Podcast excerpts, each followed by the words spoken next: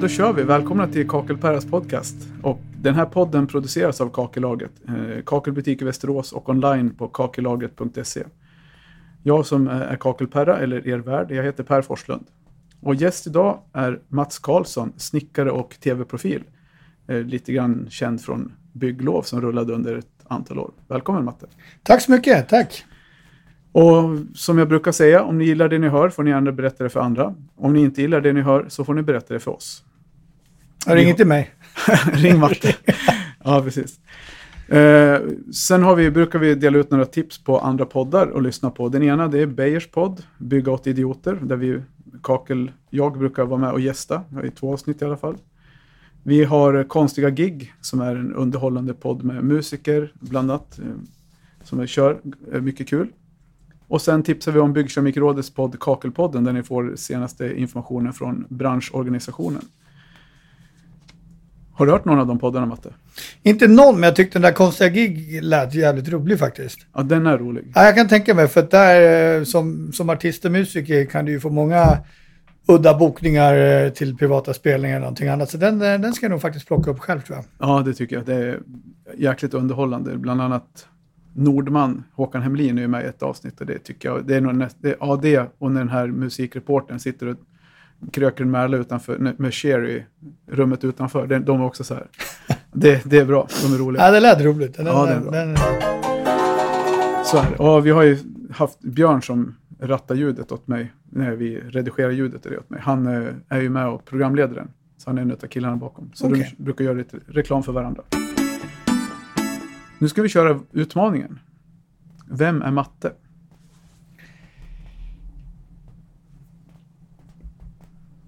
Dödstyst.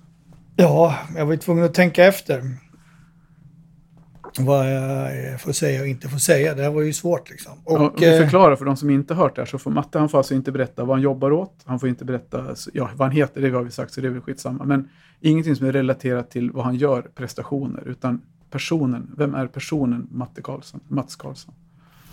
Jag skulle säga att han är en ganska eh, ambitiös och eh, driven person. Extremt envis. Och eh, har väl oftast äh, försöker ta livet eh, ganska glatt med, mm. med, med sunt förnuft och, och, och, allvar, men ändå gör, gör, gör det så roligt som det bara går. Ja, positiv livssyn.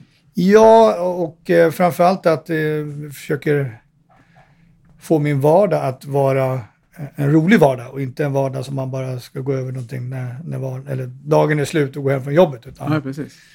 Jag försöker nog göra eh, saker som är roligt, även fast det är någonting man arbetar med. Ja. Ja, det var väl en bra sammanfattning. Det är lite svårt. Eh, och vi, satt, Jävligt svårt. vi satt ju på en eh, föreläsning med en kille som heter Torkild Sköld. Jäkligt bra. Om du, om du stöter på honom någon gång så gå på en föreläsning med honom. Det var riktigt bra. Där eh, han pratar mycket om det här med sak och person. Det var liksom själva grunden i mycket av det han pratade om. Att vi i samhället idag så är vi det vi gör. Vi är kakelförsäljare eller vi är snickare i, i tv. Så, men det är ju egentligen inte det vi är, utan det är det vi gör. Och då fick vi göra den här övningen bara rätt upp och ner i salongen. Vi fick vända oss till vänster och så på 30 sekunder berätta vem vi är. Det var i princip ingen som klarade det utan att få led, ledtrådar. Det där är ju det är en svår vridning. Eh, om, man, om, man är, eh, om man inte är det man gör. Eller om man är ja. inte det. Liksom. För det blir ju lite så här, konsekvensen av att om vi dömer någon efter, hela tiden efter vad de gör. Om man då gör någonting dåligt så bedömer man den människan som dålig, fast det kanske i grunden är en väldigt snäll människa. Men om jag träffar på dig på en, när du har en dålig dag och så fräser du åt mig, så vad fan står det här och häcka för? Och då säger jag så ja den där Matte Karlsson, det var en stöddig jävel. Fastän du egentligen är ambitiös, driven, hade lite bråttom någonstans. En livsnjutare som tycker om, ja, du är ju min värld hittills en väldigt sympatisk kille. Ja, vi har ju bara hållit på några minuter.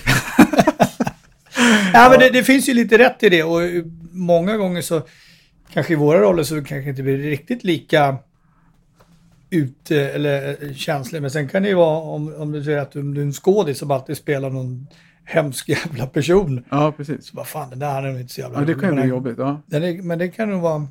Eller grannen i Beck. ja, precis.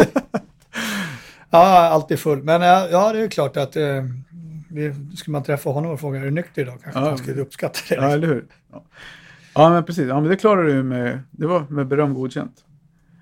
Vi, eh, vi bröt emot en rekom allmän rekommendation i samhället just nu Alltså, när vi möttes. Vi skakar ju hand. ja, ja, det är coronatider men Det ska vi undvika, säger de. Men alltså, ja, men vi har ju en flaska sprit där så det är bara att skaka Ja. hand och sen är det... vi tvättar händerna först och delar på resten. Ja, precis.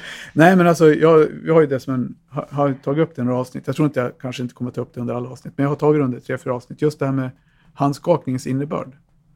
Hur, hur är det för dig? Har du, nu när man inte har skakat så mycket hand, jag antar att inte du heller har gjort det. Men, Jag tycker eh, en handskakning är väldigt viktig. Jag tycker man läser ut väldigt mycket av en, av en person när man, när man skakar hand och, och hälsar på någon ordentligt.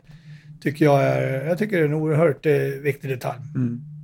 Så du har saknat det nu när det, eller har du kört och skakat hand hela tiden eller? Eh, Nej, men alltså för min del så tror jag så här, skakar man hand, alltså det första jag gör kanske man inte behöver peta sig i näsan om, om man nu ska vara helt krass så där, eller i ögat eller, eller i munnen.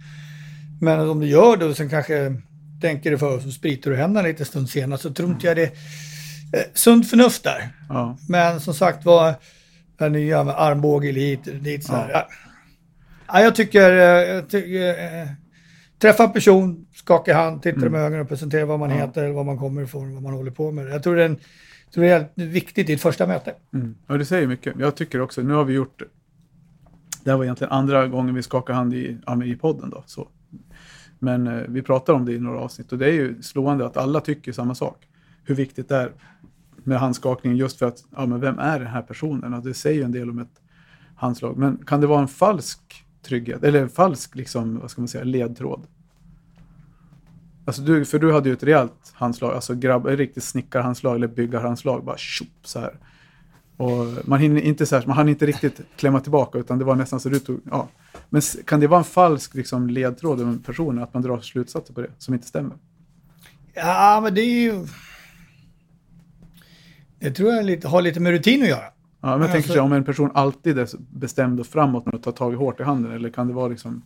Jag kan, alltså, om, om någon är, är för hård i handslaget, liksom mer för att visa sig, så tror jag man, det tror jag man läser av ändå. Nu vet inte jag om jag är så direkt hård i handslaget. Det inte. Nej, men ett fast, ett fast handslag. Ett fast handslag. Ja. Det där tror jag man kan, då är det nog en person man kan räkna med. Är det någon som, du vet, tar i lite för hårt, Ja, då kan det nog vara någon som försöker liksom visa sig lite mer vad det kan vara. Eller eh, tvärtom så, så kan nog, man inte får ett riktigt handslag tillbaka så kan det bli så här, shit fan. Mm, ja, men Nej, det, då, jag vet inte, och det kanske är förutfattade meningar eller inte, men... men eh, anpassar du handslaget efter vem du möter? ja, det tror jag inte egentligen att jag gör. Tjejer, killar, barn? Ja, barn såklart. De, Ja, barn, man vill ju inte bryta handen av dem direkt innan de har vuxit upp, men... Eh, nej, annars tror inte jag, det är, det är ingenting man tänker på, man bara sträcker fram handen och hälsar tror jag. Sen är det väl klart att man kanske inte kommer någon, någon väldigt nätt person så kanske man ser, oj fan. Om, det knast, Nej, men- om det knastrar så släpper man som grävlingen. Ja, eller om de börjar bli vita i ansiktet får man ju släppa liksom.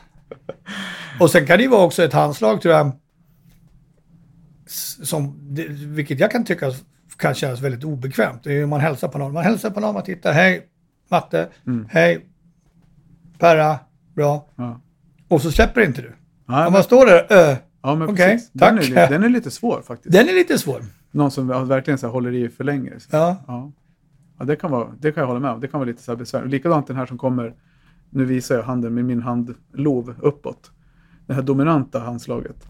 Har du tänkt på det någon gång? Istället, om man har så här horisont, Ja, är ju- vertikalt, ja, då vertikalt har är man ju neutral handställning. Liksom. Och det här är ju mer undergiven, och det här är mer dominant. Har jag aldrig tänkt på. Ja, det är så här, så man kan Då skulle jag studera- vända andra sidan upp också. Eller hur? Hur gör man då? Om man själv Ja, känner sig, ja, den har här jag personen har inte jag ja. någonstans att vika upp handflatan åt, utan ska man då försöka stå där med neutral hand eller ska man... Jag vet. Ja, jag vet inte, den, är, den, var- Du den får, var nytt. du får Ja, studera alltså, så, jag så får studera. du skicka ett sms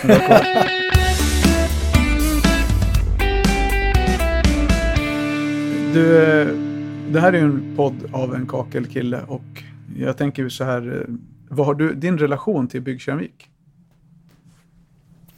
Jag har eh, faktiskt eh, i mina gjort en hel del badrum. Ja, men du är bekant med begreppet byggkeramik?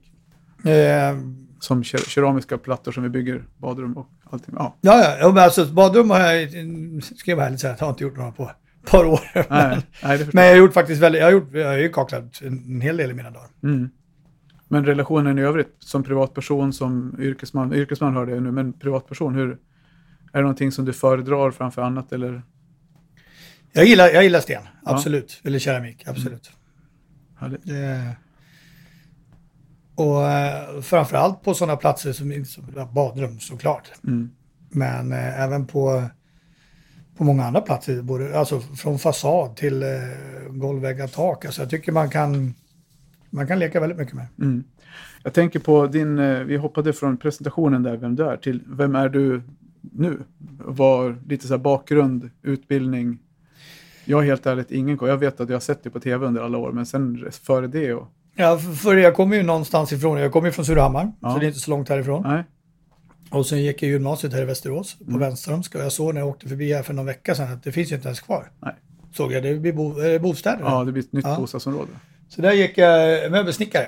Jaha, Så jag- möbelsnickare. Ja, så jag utbildade möbelsnickare för första början. Ja, det förklarar ju en del. När man har tittat på det, tänkt så här flera gånger, så här, shit alltså, han har verkligen det där millimetertänket som man saknar själv. Jo, men därför, du vet, där hade man med sig tumstock i, i plugget där så, så bröt läraren av den direkt. Ja. Det var inte accepterat, utan det var ju inte måttband, talmeter. Liksom. Ja. Så det var... Så att, äh, men, och sen, eh, jag är nog... Eh, jag, gillar, jag gillar precision och millimeter Ja. eller en, en, tum och sen, tum och meter. Liksom. Ja. Vad gjorde du efter plugget sen? Sen efter plugget så vad gjorde jag sen? Sen började jag faktiskt på ett snickeri i, här i Västerås. Det var ju bara två år, sen kände jag inte för att gå. Det fanns en påbyggnadslinje till då. Mm. Men den gick jag. Så började jag på Östermalms snickeri hette det då. Jaha, ja, det finns ju kvar. Ja, det kanske finns kvar. Ja, det tror jag. Okej. Absolut. Eh, var där en sväng, eh, så fick jag faktiskt sluta där. Eh, och eh, jobbade som lärare ett tag. Slöjdlärare. Okej, Hemma på högstadiet i, i, i Surahammar. jaha. Mm.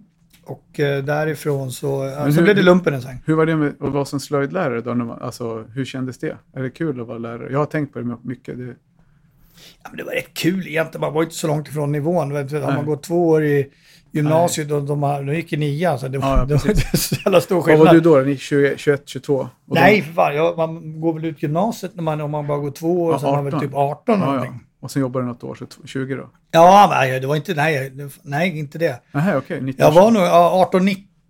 Ja, 18-19 var jag, för jag åkte in i Ja. lumpen när jag var 19 och sen kom ut därifrån precis när jag fyllde 20 ungefär. Ja. Så att, ehm, Ja, det var kul att vara lärare.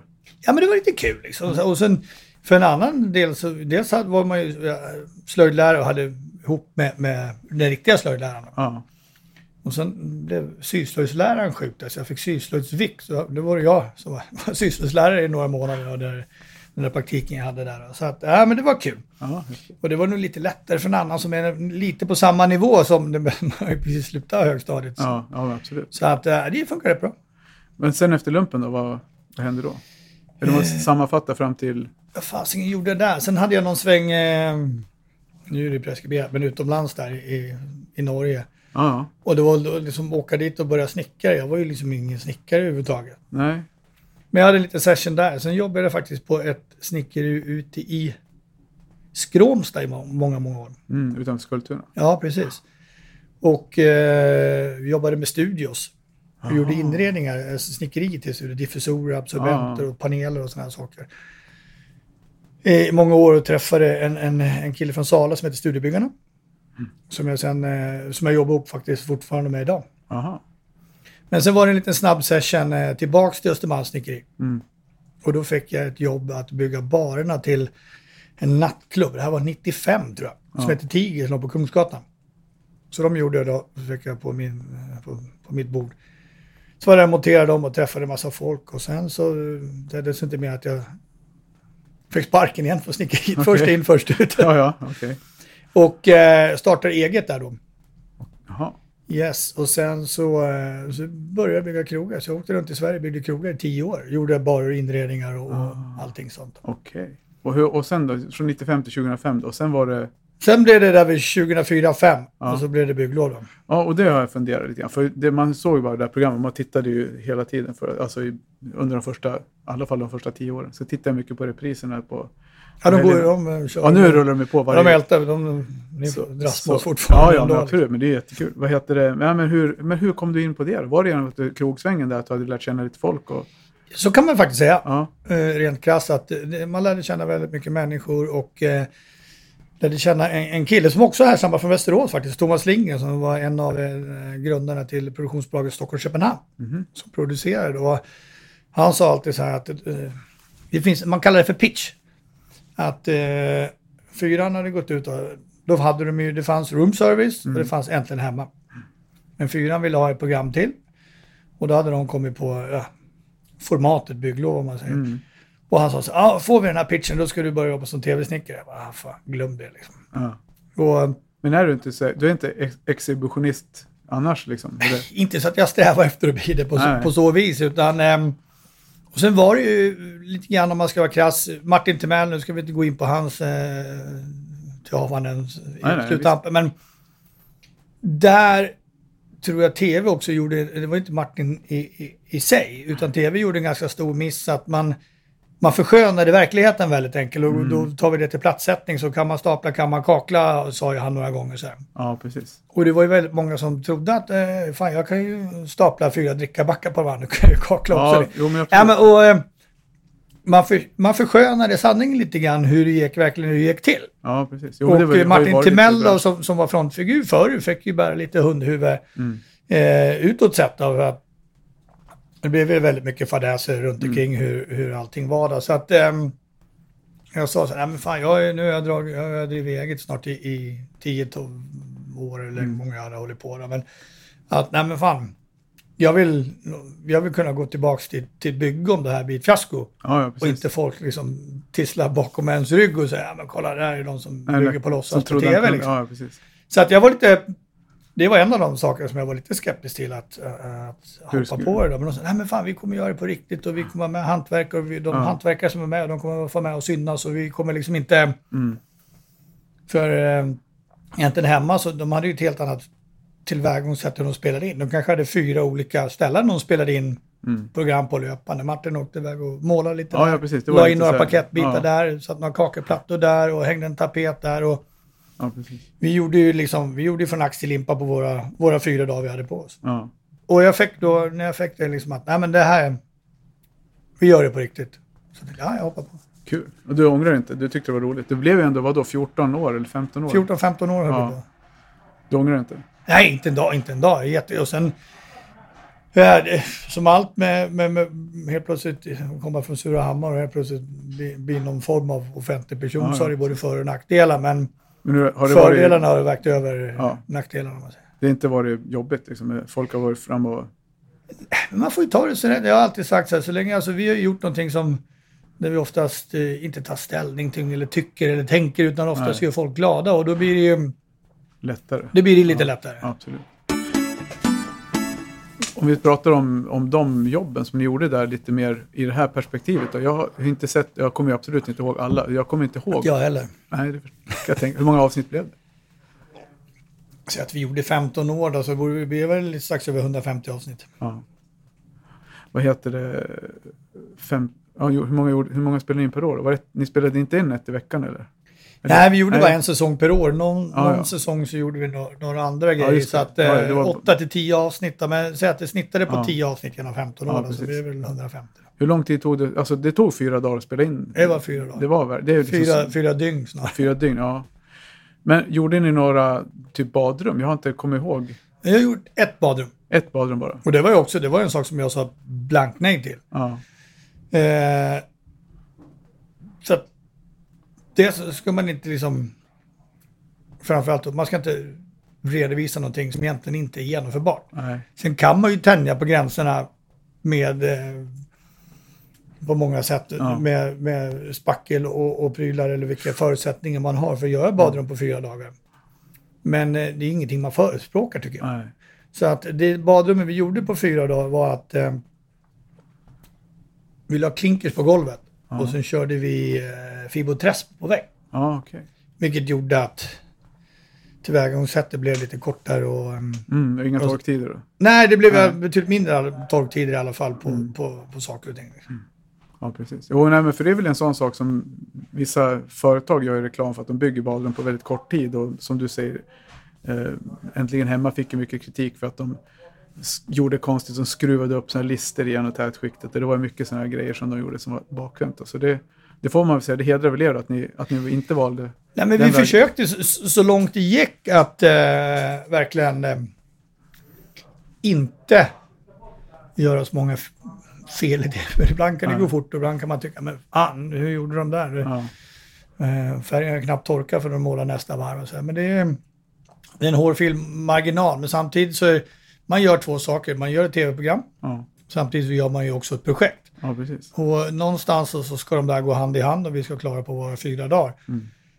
Och ja, man, man vill inte, man vill inte, vi, vi, vi ska inte säga att vi fick skit, men det är ju ändå många som säger, "Ah, nu har du satt griller i, i, i huvudet på varken, eller det kan vara frun eller mannen hemma. Då. Ja, det går ju så här fort att göra ordning där. Ja, Och det gör det faktiskt. Men om du tar in då 20 man och har gjort Mm. Ja, ja. En, en galen planering som Ja. är en minut lagd. Men det var, var det, är det så ni jobbade? För jag tänker på det, du var ju lite grann som projektledare och st- styrde upp gubbarna första dagen. Tjena grabbar, nu kör vi igång här. Jag tänkte, du, du gör det och sätter igång. Var det verkligen minutiöst? Så var det. Ja, Att, och grejen var ju det att vi åkte ju runt och, ja, men, ja, oavsett om det var, men jag och inredaren och våran mm. inslagsproducent träffade familjerna, han, inslagsproducenten träffade familjen, vi träffade projektet med då. Mm. Fotade, gjorde en, en hyfsad grund, grundlig research. Och sen var det ju hem då, sen när vi fick de projekten vi skulle göra så var det inredaren kom med sina idéer. Jag fick dem på mitt bord, titta på dem. Ja, men det här går, nej men det här hinner vi inte med. nej, Det där, ja men ska du ha sånt golv där, men då, vi kommer inte hinna, vissa saker tar ju längre, Ja. vissa moment tar ju längre tid. Och, och sådär, så, så får man pyssla.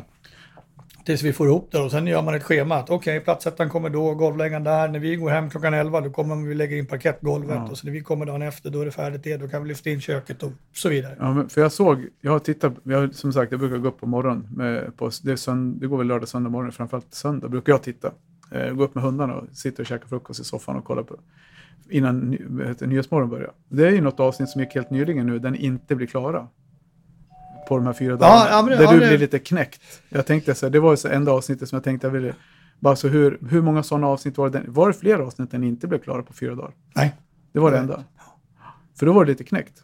Var det, Ja, men alltså det, det, Eller knäckt, du, var, du tog åt det, alltså du tog det, sy- sy- syntes, Willy, sen kanske det är på tv, men Willy, vad fan, det är inte bra matte helt, liksom. ja, inom citationstecken. nej, men vi, vi, visst var det så. Där hade vi, En hel övervåning skulle ni vi hade en hel övervåning och trappa och allt. där var det ju liksom så här, där sa vi nästan redan från början, det här kommer nog kunna skita sig liksom. Ja, Men där var ju också en, en familj som man kände så här, fan, vi måste lösa det här skiten på något vis. Och eh, i värsta fall så, så får vi fortsätta. ja, Vilket eh, blev varsla om då, så, så sagt var så att. Men eh, där var det så att annars många gånger så är det, ja, det är för stort, där, där, där Nej. får vi inte ihop det. Men de hade kämpat, slitit och inte, egentligen inte råkat ut för något, något skit egentligen. Nej. Så att det var sådär, men det var ändå så här. det blev för många moment. Ja, men de hade gjort allt eh, och de hade, tycker jag, gjort rätt också. De hade tagit in hantverkare så långt de kunde, Ja, använt sina rotavdrag, använt sina pengar de hade och sen skulle de ro ihop det själva då. Men de hade, de, de hade fyra barn va? Jag kommer inte ihåg, det var, ja, det, jag kommer inte ihåg alla detaljer. Jo, för det blev fyra barnrum där uppe, de fan för mig. Eller om det blev ett där nere också. Men alltså, och alla sov på undervåningen och det var Ja. liksom fem pers i ett sovrum liksom. Men alltså, ändå så här, det, ni hjälpte ju jäkligt många. Det måste ju vara en skön känsla att lämna över liksom en, en dröm för dem, förverkliga en dröm för människor, mer eller mindre. Ja, men alltså, den frågan man ju fått några gånger, liksom, vad var det som var roligast med bygglov? Och det, Ja. det är ju några, några saker som sticker ut. Dels har vi jävligt roligt när vi var runt. Ja, Och det var ju den, den lilla saken i det hela. Men sen, grej nummer två är ju själva utmaningen. mm, Även fast vi försöker göra en gedigen planering runt och så kommer man ut och sen, sen händer det massa saker och man river upp någonting och så här, men fan, så här såg det ut bakom vägen, det hade vi inte riktigt tänkt. ja, Eller eh, en leverans inte kommer eller det blir någonting som inte är som det ska. ja, Så man liksom, ja, man måste, det finns inte så här, ja men vi tar det nästa vecka, utan det, det löses nu. ja, Och det, den utmaningen var jävligt rolig. mm, Och sen var det ju då grädden på moset var just att vi gjorde ju saker som folk behövde. Ja, ja precis. Det är det jag menar. Och det var en jävla skön, framförallt den här familjen glömmer man ju aldrig. För att Nej. de, alltså, vi, visst, man kan tycka att de fick fint och det var det och det var det, men man åker därifrån så har de ju inte bara fått det, de har ju fått ett, de har ju fått ett liv. Mm. Innan var det ju bara en jävla misär när de Ja. bor på varandra, i, i, under varandra och, och så lämnar man någonting till någon där de liksom, fan nu kan vi börja Leva, ja, Vi kan börja leva som, igen. vi hade, liksom- som vi hade tänkt oss. Ja, ja, precis. Och skit i de materiella sakerna, men visst, de är ju också där. Men Mm. just det där att... Men hur, van, hur vanligt tror du det är om vi pratar om det allmänna ordalag, inte bara kopplat till bygglov, men hur vanligt tror du det är att folk tar anser renoveringsprojekt som går över deras huvud? Nio av tio. Ja, ja. Nej, det ska jag inte säga. Men det är nog många som... ehm, För låt säga ett sånt här projekt som den här övervåningen. Hur många timmar, om du räknar alla gubbar, slår ihop alla timmar, hur många produktions... Produc, alltså, jag tror vi snittade någonstans där kanske på hela projektet närmare 5000 timmar eller 6000 timmar. ja. Och det är bara slut om du ska göra själv så efter jobbet. ja, det tänkte, var Så min blir det ju fråga. jävla många år Hur liksom. många år blir det? 6 000 timmar efter jobbet. Folk som bygger raggarbilar tar 10 år, då lägger de ner 5 000 timmar. Det blir mycket. Ja, och då är, liksom, då är det ju det är skit när du är klar för då flyttar ungarna ut liksom. Ja, det... Men har du något råd till de som håller på och bygger hemma nu? Det sitter säkert både hantverkare och privatpersoner och lyssnar på det här. Men vad säger om du... Om... Nej, men jag har pratat en hel del om, om just den här saken. och Det är att eh, man ska sätta upp det man ska göra Mm, och man ska sätta upp ganska små mål. För det är framförallt den, den fälla man oftast går i när, när man börjar projektet. Så, ja, men vi ska göra om vårt badrum. Mm. Så river man ut och så känner man, fan, det här, vi rev ju där, var- det tog en dag liksom. Ja. Om man nu börjar själv. Ska vi inte ta liksom, det sitter ju det, hallen utanför, det ser så jävla, vi tar det samtidigt. ja. Och det Och, och växer. då är det lätt, Ja, lätt att det växer i vägen, att man liksom, ja. nu gör vi badrummet, inte en jävla penal, det får se ut som kriget utanför. Mm. Och sen tar man nästa, och så tar man nästa. För att när du väl har börjat, containern står utanför och det, det är lätt, det, det, du har motivation, du har pengar på kontot, eh, ja. det har inte blivit något gnissel i, i förhållandet och så här. Då, liksom, då är allting jävligt roligt. Men innan du är där och sen är det ju så här, om man lever utan kök eller badrum eller sovrum och alla ska sova Ja. på soffan. Jo men det går bra en vecka, 14 dagar. Ja. Sen är det inte så jävla roligt längre och Nej. du kommer hem efter jobbet och du kanske, man får, helt plötsligt får man mycket på jobbet och man räknar, ja, du vet, ja, visst absolut. jävligt lätt hänt att man Jag sig själv jag har ju suttit där själv. Jag tror min fru som lyssnar på det här, hon kommer skratta gott. För vi skulle bygga en tvättstuga på baksidan av huset. Gjuta en platta på 30 kvadratmeter och sen bara lägga ett snedtak ut från huset. Och så var det en snickarkompis som var ute och så tittade han på det och sa, bara, fan, alltså om du ändå gjuter den här plattan, så, gjut, så gör en grov entré så får du ett. Sen man re, reser upp väggen och så lägger du på ett tak över hela, då är det en över, övervåning. Då får du två extra rum och ett vardagsrum uppe. Liksom. Och jag bara, ja fan det var ju en skitbra idé. Han bara, jag hjälper dig. Liksom. Ja men schysst, liksom. jag kan hyra in det. Han bara, jajamän det var bra, hyr in mig. Jag höll på i sex år med det projektet. Ja, Och men jag- det, det, det ju- där var ju precis, precis en sån klassiker. Att, alltså, för att lyckas, oavsett vad man gör, om det är bara som du ska måla om, måla om en liten hall. Ja. Måla bara om hallen, köp bara färg till hallen, gör det bara klart. Inte, kom inte på någon annan idé för den är klar, för den sista, sista liksom locket över strömbrytaren sitter där och, och tröskellisten Men är på plats. Eller? När du håller på hemma, jag hörde, när jag försökte få tag på det här tidigare, så flyttar du precis. Hur, hur går det när du renoverar hemma? Blir du färdig med allting på en gång? Är du den här mönstersnickaren? Hyfsat tror jag. Ja, Men sen där också har jag insett att många gånger, även fast jag håller på hemma, så de husen som jag har gjort och, och så här, jag har ju tagit hjälp. Ja. Det går inte. nej. Och, Ja, men det, kan vara, eh, det kan vara smart insikt. Alltså jag har kommit till den insikten själv med. Fast jag, för mig sitter det hårt inne att ta in hjälp. För jag, inte för att jag är någon stolthet eller något sådär, men mer så här, fan jag vill, jag vill, jag vet att jag kan själv, jag vill göra det själv.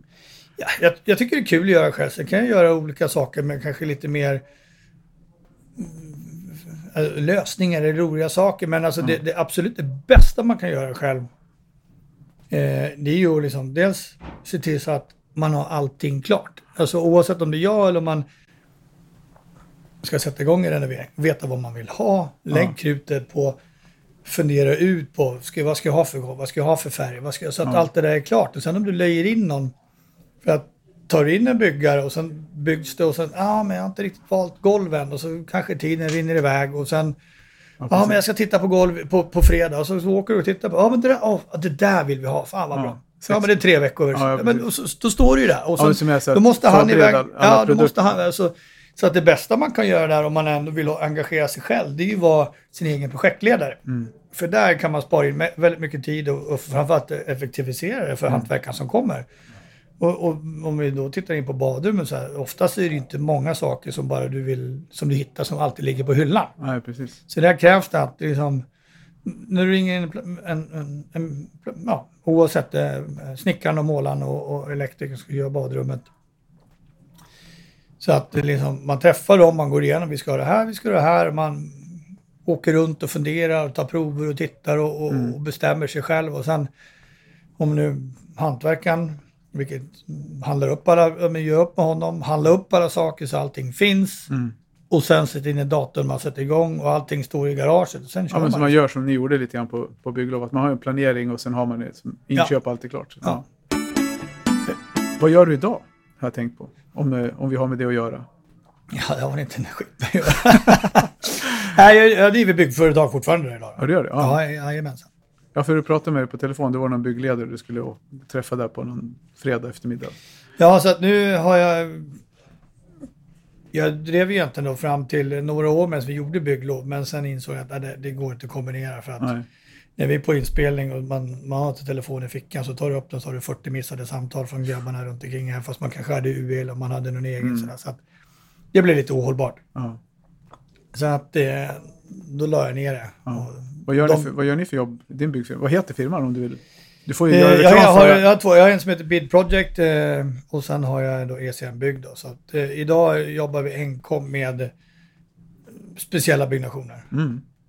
Eh, större projekt som kräver eh, väldigt mycket planering. Mm. Vad är det för Eh, typ av projekt? Om det är någon som lyssnar som vill ha hjälp av ECM Bygg? Nej men alltså egentligen gör vi väl alla projekt men vi, vi, vi gör större renoveringar framförallt av villor eller till byggnationer Mm. där ingenting är Som du brukar? som det brukar. Ja, ingen, ingen standard, utan ni gör Ingen specialanpassningar? Ja, extrema specialanpassningar. Ja. Allt ifrån med, med el och styr och, och ventilation och värme och, och, eh, tillpassningar och, och kök och eh, allting är over the top om man säger. Mm. Men i din nya vardag då, vad har ni för relation där till byggkemik? Om vi återkopplar till... Eh, där var vi, jag var faktiskt i, och tittade på Marmot i projektet i Italien förra veckan. Mm. Och ja, det, var, det var en häftig, hä, jävligt häftig upplevelse. Ja, Verona eller vad var ni? I eh, Luca di Carrera. Ja, okej, vid brotten där. Ja, Ja, så vi var uppe i brotten där och tittade. Det var riktigt häftigt. Vita bergen. Men eh, så, så ni gör lite sådana specialprojekt där med lite sådana material? Mm. Blir- Ja, ja, vi jobbar med alla material, men Ja. i, det här, i vissa fall ska, nu ska det vara marmor på vissa ställen och det ska vara trä och det... Mm. Spännande. Ja, det är jättespännande. Och sen hade du, jag, jag kommer bara dra till minnes lite grann, du sa att du skulle iväg och spika någonting. Alltså var det spikerjobb eller var det... Ja, det var ett spikerjobb. Ja, som Ja. du konfer, eller konferenser eller? Eh, Nej, jag har faktiskt... Eh, vi håller på att göra, göra en liten tv-grej igen faktiskt. Jaha, Ja. okej. Så att jag och eh, den gamla legendariska Janne Flash Nilsson, om du vet vem det är. Rally... Ja, S, ja inte rally, men eh, banracing. Då. Ja, ja, precis. Ja, ja, bil. Ja, bilar då. Så han och jag är programledare för ett, program som heter Racing Club. Jaha, ja, för min motor, mitt motorintresse ligger på den. Jag känner igen namnet kopplat till motorsport, så sen vilken sport. Jo, men det är alla, när man själv har kört. Alltså. Ja, du kör rally också då? Ja, för du sa det innan. Du satt i telefonen och kollade någon uppdatering på någon cup. Ja, Carrera Cup har, eh, vad heter det, mm, heter det, första officiella testdagen idag. Ja. Som, som man har varit med nu på i tio år, men inte i år. Nej. Du, men du, hade kört, du har kört i tio år. Tio år har jag kört, ja. Hur har det gått? Om som inom som vatten, ibland bättre, ibland... Ja, men jag har väl eh, varit tre mästerskapet som bäst Ja, i Sverige. Och det är bra. Ja, men det är okej. Ja. Så länge man inte har vunnit så är det inte helt okej, men nästan. Ja, precis. Jag brukar säga det lite, lite snett också rakt. Men du, på tal om, på, på tal om rätt och snett då. Vi har... Eh, Ta inte paus bara. Jag måste komma in på efter kuppen där. Jaha, ja. Välkomna tillbaks. Vi hade ju litet musikunderhållning höll jag på att säga, men vi körde en liten jingel där. Eh, om ni har lyssnat så här långt och gillar det ni hör så får ni gärna berätta det för era jobbarkompisar och era bekanta. Ni får väldigt gärna dela inläggen om podden och eh, hjälpa till att sprida den. Har ni inspel eller synpunkter på innehållet så får ni gärna höra av er. Och vill ni vara med och gästa så får ni mer än gärna höra av er om det. Ja, men vi pratar om eh, rätt och snett. Hur... Eh, Jag måste dra en anekdot där. Ja, Vi hade ett program, eh, eh, eh, vi spelade in i, åh, det var uppe i Dalarna någonstans. Ja. Han hette, vad fan hette han? Han hette Ah, Han hette nog Hallon eller Blåbär eller någonting sånt där. Ja. Och Är han, det bygglov eller? Är det... ja, det är bygglov. det är Ja, ja, bygglov. visst. Och där sa vi, jag ville köra alltid, drev lite med honom. Ja, lite snett också rakt. För Ja. han jobbade som, eh, han jobbade på eh, Rolls Royce. Okej. Och, sådär, och balansera in flygmotorer och några grejer. Ja. Och där snackar vi nästan alltså My och Ångström Ja, ja. i, i, i passform. Och han var verkligen, det var hans liv. Ja, ja. Det var så noga liksom. Och när vi sa lite snett också rakt, det tyckte inte han var kul. Nej. jag har en, snickare, en kompis som är snickare som är jävligt duktig också. Eh, han heter Lars Justell. Justells bygg. Han är, vill ni ha en bra kökssnickare, ni som lyssnar, så ring honom. Han är, han är vass. Han hade en, berättat för mig, han hade en kund, de skulle sätta upp en, en, en sån här list upp mot taket. Och så stod kunden bakom och sa så här, du, den är, om du höjer den en halv millimeter i högra hörnet. Han, Lasse bara, en halv millimeter på två meter lång taklist. Vem ser det? Det var så här, ja, Det ser du ju inte. då är vi på nivåer som är, är osannolika. Men om vi pratar om det här med, som våra, vårat liksom, våra hjärtefrågor här, det är ju badrum och kakel och klinker och hela den biten. Men framförallt nu när du är här som, som snickare så, med, med badrumsrenoveringar. Jag tänker på, vi hade ju en diskussion med, eh, i en podd, där jag var med ett avsnitt på Beijerpodden, vi pratade om det här med vem som har, vem, vad vi har ansvar för på våra byggarbetsplatser. Som platssättare kommer jag ofta ut där domare. Hur, vad, hur tänker du kring det där, den diskussionen? Vem som gör, tar ansvar för vad? Liksom? Alltså, det där är, det kan vara en svår bit. Framförallt på sådana här mindre byggen. Där det inte kanske finns någon som egentligen är ansvarig för alla parter. Utan en, säg en privatperson. Mm. Han tar in eh, byggfirman därifrån, så tar han in målaren därifrån, så tar han in plattsättaren och, och Mm. de från ett annat håll. Och så finns det liksom inget samspel där, däremellan, utan då kanske det är privatpersonen som sitter som liten eh, arbetsledare, organisatör. Mm. Projektledare. Ja, projektledare, precis. Och eh, den kan ju bli lite, det kan ju bli lite krock där. För att eh, om, om, inte snickarna lever upp till sitt och sen eh, kommer plattsättaren så det, det funkar ju inte. Nej. Nej, för Alltså vara, sätta plattor när saker och ting är krokigt eh, eller, eller snett det är ju inte roligt. Det, det, snett ska det göra på vissa ställen, det ska vara fall. Men Ja, det, det är väl där då. Men ja.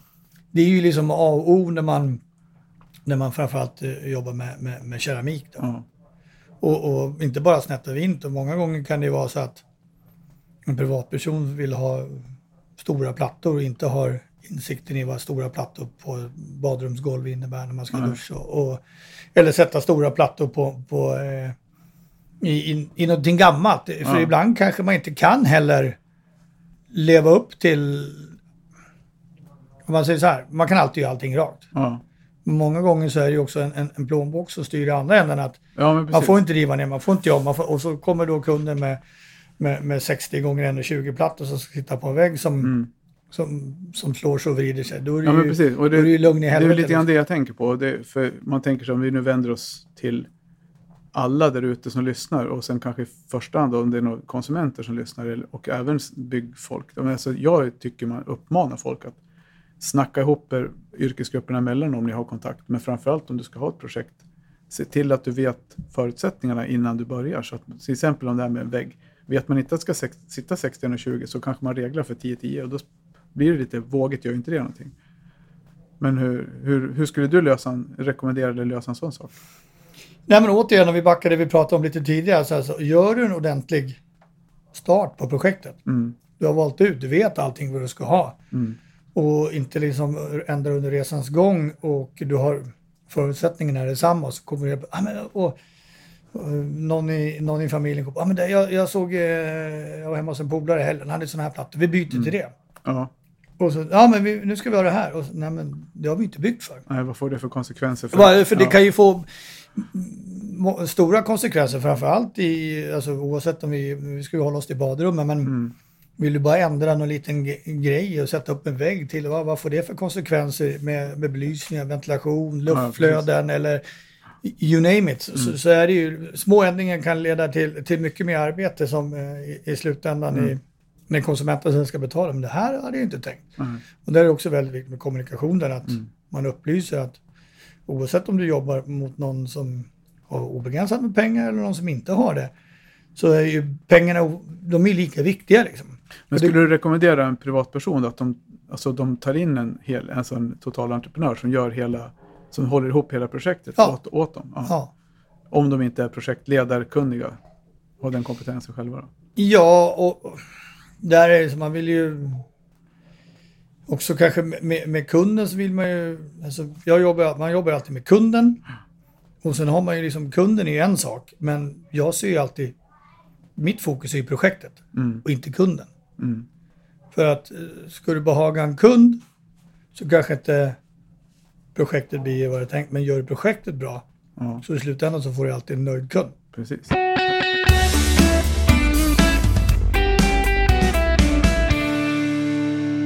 Det finns ju någonting som heter behörighet. Byggkeramikrådet har sin behörighetsutbildning för, för plattsättare och säker vatten finns ju för rörmokarna. Hur, hur tänker du kring det? Är det någonting som du... Ja, är det bra eller är det dåligt? Eller behövs det inte? Eller? Det är någonting som absolut behövs. Alltså, alltså behörighet, eh, det jag tycker det är A och O. Och eh, man ska ju aldrig ta in en rörmokare eller rörmokarfirma som inte har behörighet eller säker vatten eller Mm. nu kan inte jag. Det finns väl två olika inom keramik va? Eller Du har, ja, precis. Du har ju golvbranschen, GVK, Ja, som har GVK. sin eh, för mattläggning och plattsättning. Då. Sen har du Byggkeramikrådets? Precis. som är för, bara för plattsättning. Så att eh, där är det oerhört viktigt att de har eh, den kompetensen så de vet vad de håller på med. För att, och där kan vi också tycka att vi snickare egentligen, om man nu tar, så har inte vi någon sån behörighet. Och är du inte lika mycket med i att göra badrum som en, som en snickare. Mm. Göra badrum i, i momentmässigt sett kanske inte är så direkt märkvärdigt. Mm. Men någon bransch som har gått väldigt mycket, eller varit på snabb framåtmarsch Mm. de sista åren är ju framförallt våtutrymme. Det ändras ju ja. liksom, reglerna ändras ju fortare än om man hinner trycka nya, eh, nya broschyrer. höll jag på att Ja. säga.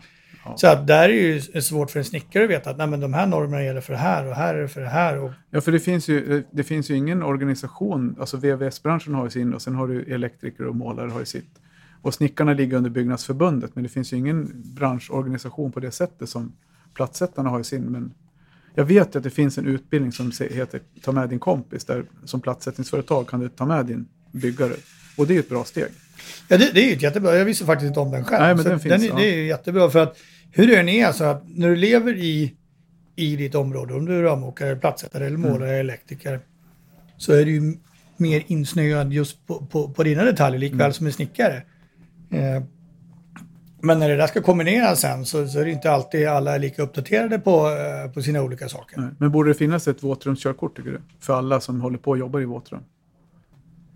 Jag bara slänger ut frågan, den har jag inte skrivit i manuset. Men jag, du, Ja, det är ju nog ingen dum idé, det är bara, ja. Jag menar, säg så här, grundläggande svara på de här frågorna och hur länge hur lång erfarenhet har du så att man får ett körkort på att du förstår vad det är för regler med brunnar och infästningar och hela den här biten. Lite så tror jag, för att många gånger när, när en, när, om, om snickaren river badrummet och börjar regla upp igen och, och inte kanske ser felen som, som rörmokaren ser sen. Nej, precis. Eller plattsättaren, då Eller- har det kommit långt. Ja, men då har det kommit jävligt långt och förhoppningsvis har man väl sett det innan. Men eh, alla kan ju inte veta allt om allting. Nej, för då, då blir man ju... Man kan kunna väldigt mycket och mycket, men eh, specialister är alltid specialister. Ja. Men det är ju det är ju inte fel att ha in och, och tangera varandras yrkeskategori lite grann så man har en förståelighet att vill jag ha en unidrain ligga där, men vad, vad krävs det då? Kan jag ha den där eller måste den här? Eller eh, om jag lägger en golvbrunn här, vad kommer det i slutändan Mm. betyda? Eller eh, och sådär. ja, precis. Så är det, det är bra. Men eh, om vi kliver på med det konstigaste som du har varit med om vid renovering. Har du någon, har du någon rolig, eller har du, kommer du på något? Jag skrev det, jag frågade lite grann tidigare. Men, Jag kan ju bara, att jag vet, men jag kan eh, komma ihåg när jag själv skulle lägga plattor. Jag har ju, en god vän här eh, i JK Golv ja, som är en gammal god vän till mig som jag egentligen började jobba med första gången när jag ja, klev utanför skolan och hjälpte till lite grann. Sådär. Eh, och så skulle jag lägga plattor själv. Och jag, hade ju inte en jävla susning Nej. vilken ände jag skulle börja i. till slut så fick eh, Johan komma hem och hjälpa. Vad fan, okej, slutlinje där, jag ska det dit. Ja. Så att, eh, ja det var, och då var man ju helt grön, så det hade man ju inte en jävla aning. Så det, det kunde jag sluta med. Han, re- han räddade upp det. Ja, ja. Ja, men det, det, det redde upp sig. Så är det. Tiden går fort när man har skoj. Ja, det, det gör ju det. Men hur ser framtiden ut? Har ni mycket på, i kalendern eller? Vi är väl, eh, ja, man vill inte se det högt, men vi får boka det ett år till framöver. Och. Ja. ja det är kul. Hur, men hur, vad innebär det? Coronan har inte påverkat er särskilt mycket. Eh, jag skulle säga att det har den gjort delvis. Eh, Alltså i sånt projekt som är så pass stort som vi håller på med. Ja. Som över så lång tid med så, så mycket olika eh, entreprenörer som ska in. Mm. Så har det faktiskt påverkat en hel del. Dels folk som har varit sjuka eller inte kunnat, Ja. kunnat sitta på kontoret och jobba. Allt ifrån projektledare som ritar el eller vatten eller vent eller VVS och, och pooler och you name it. Till, eh, från produkter som ska komma från andra länder in till, eh, till projektet. Så, så det är klart att det har påverkat oss lite grann. Men vi har faktiskt kunnat ta oss fram riktigt bra. Mm. Och sen är det ju så här att eh, det är en så stor grej. Ja, det är det, det. är som, det är inte någonting som bara händer här i Sverige utan det, det händer och drabbar oss alla i Ja, hela världen. Pra- ja, för du pratar om Italien. Det kan inte ha varit helt enkelt. Man ska beställa, alltså åka och titta på marmor i Nej, det, är- där var det ju helt stängt så att vi, Ja. det var, blev vi skjutet flera, flera månader. Ja. Och, eh, med, med sådana saker. Och där, det, och I och med att det blev en sån global Mm. händelse, Absolut. eller vad heter det, pandemi eller vad det kallas för, Ja. så är det så att jag tror alla sett över hela världen har en helt annan förståelse för det. Mm. Det är en sak om, om det är någon liten grej som kanske händer någonstans eller någon, någonting så, så blir det inte, men nu är det ju liksom, Och det är ju en- worldwide. Du det är en sak inte, om man kommer för sent för att man har försovit sig. Det är Ja, precis. då, det är inte ja. acceptabelt. Men just en sån här grej så tror jag liksom, äh, oavsett eh, alla beställare, Ja. vad det än nu handlar om, inte bara bygg eller det är ju bilbransch, det, är, Ja, ja. det är ju hela världen. Men jag har liksom kunnat fullfölja projekten till viss del i alla fall. Ja, det har vi kunnat. Ja. Det har vi kunnat och vi har, sen har man ju fått dirigera om projektet väldigt Mm. mycket och gjort saker som, som har legat längre fram och gjort dem så långt man kan för att Mm. för killarna ska kunna arbeta och så. Så att eh, det, det funkar rätt bra ändå, men det, det har inte varit helt smärtfritt. Nej. Ja, men vad kul. Du, är jäkligt kul att du kunde ställa upp och vara med. Tack för det. Ja, det var Så jätteroligt. hoppas vi att ni fortsätter att lyssna. Det här är ju säsong två och vi kör på vidare. Det kommer mycket intressant. Häng med!